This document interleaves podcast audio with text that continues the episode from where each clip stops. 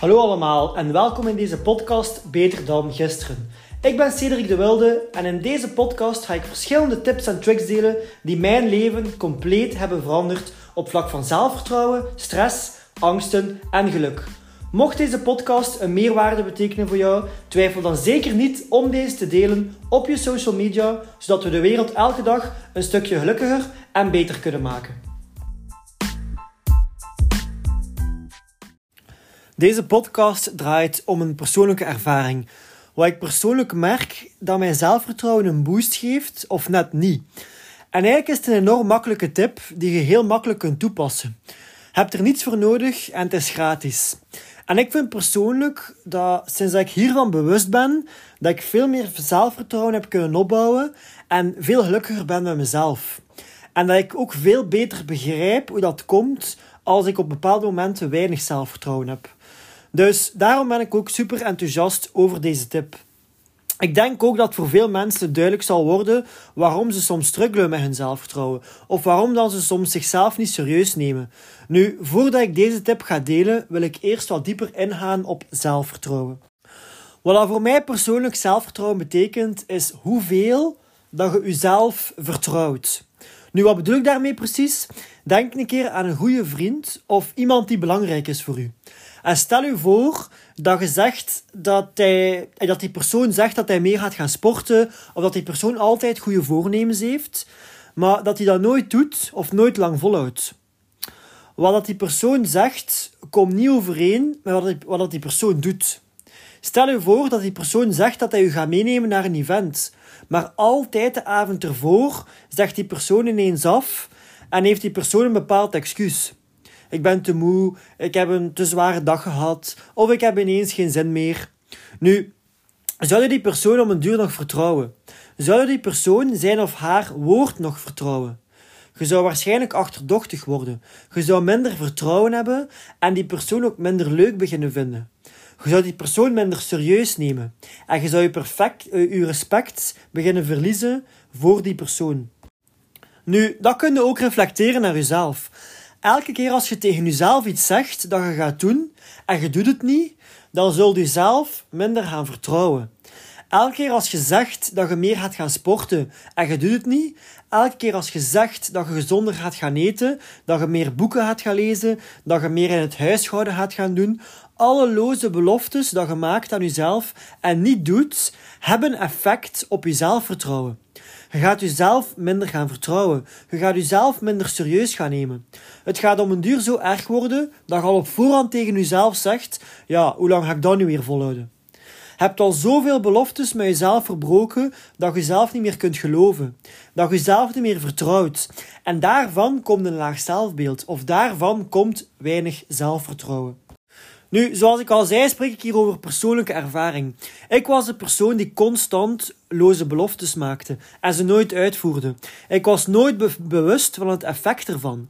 Ik was nooit bewust dat elke keer als ik een belofte met mezelf doorbrak, ik ervoor koos om mijn zelfvertrouwen te verminderen.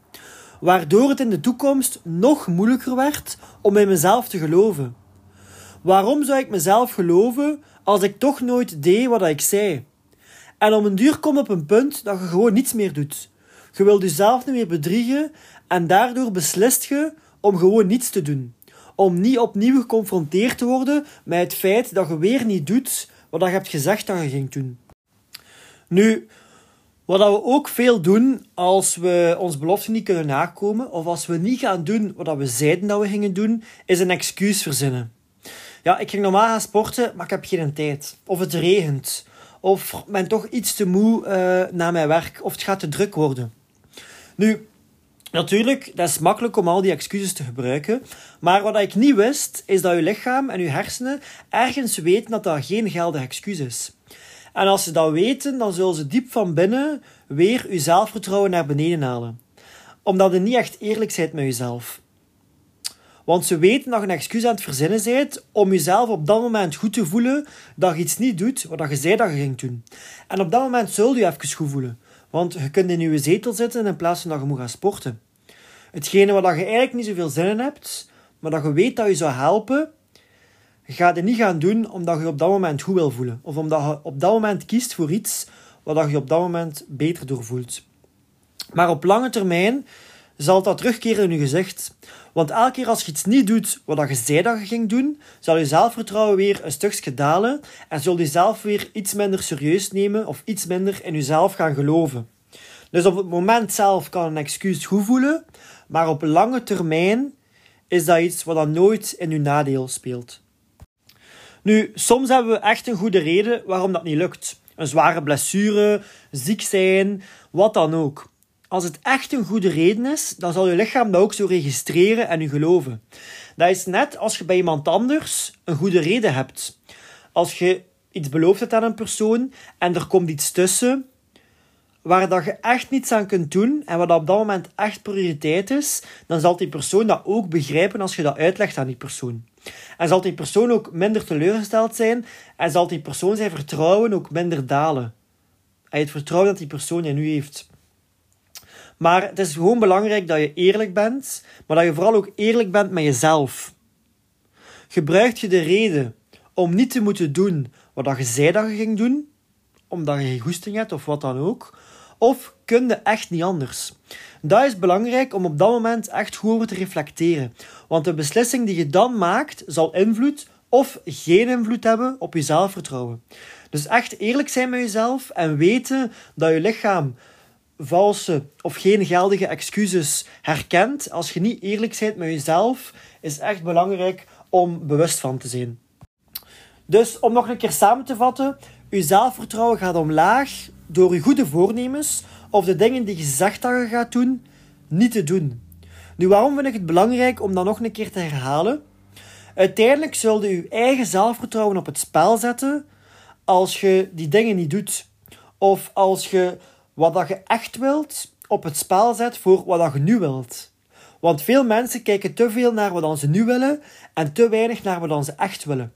Waardoor dan ze heel veel beloftes verbreken of heel veel dingen die ze zeiden dat ze gingen doen, niet meer doen of stoppen met ze te doen. Nu, wat dat belangrijk is om een keer te doen, of wat je een keer kunt doen, is het een keer even op pauze zetten en daar een keer over reflecteren. En zelf een keer aan wat voorbeelden denken. Wanneer heb jij beloftes met jezelf verbroken? Wanneer heb jij gezegd dat je iets ging doen, maar het uiteindelijk niet gedaan? Wat zijn uw top drie excuses om je belofte te verbreken?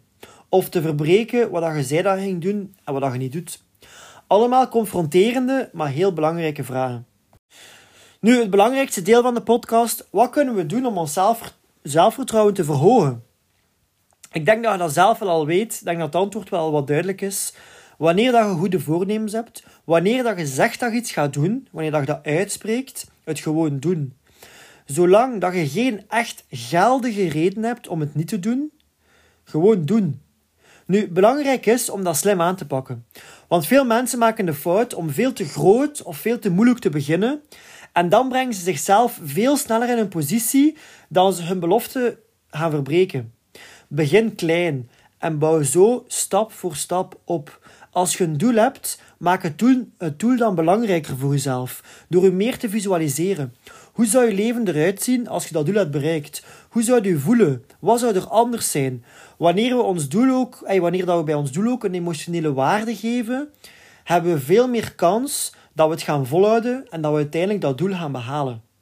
Nu, in de volgende podcast zal ik wat meer tips geven over hoe dat je meer kans hebt om bepaalde gewoontes vol te houden en zo stap voor stap te groeien hierin.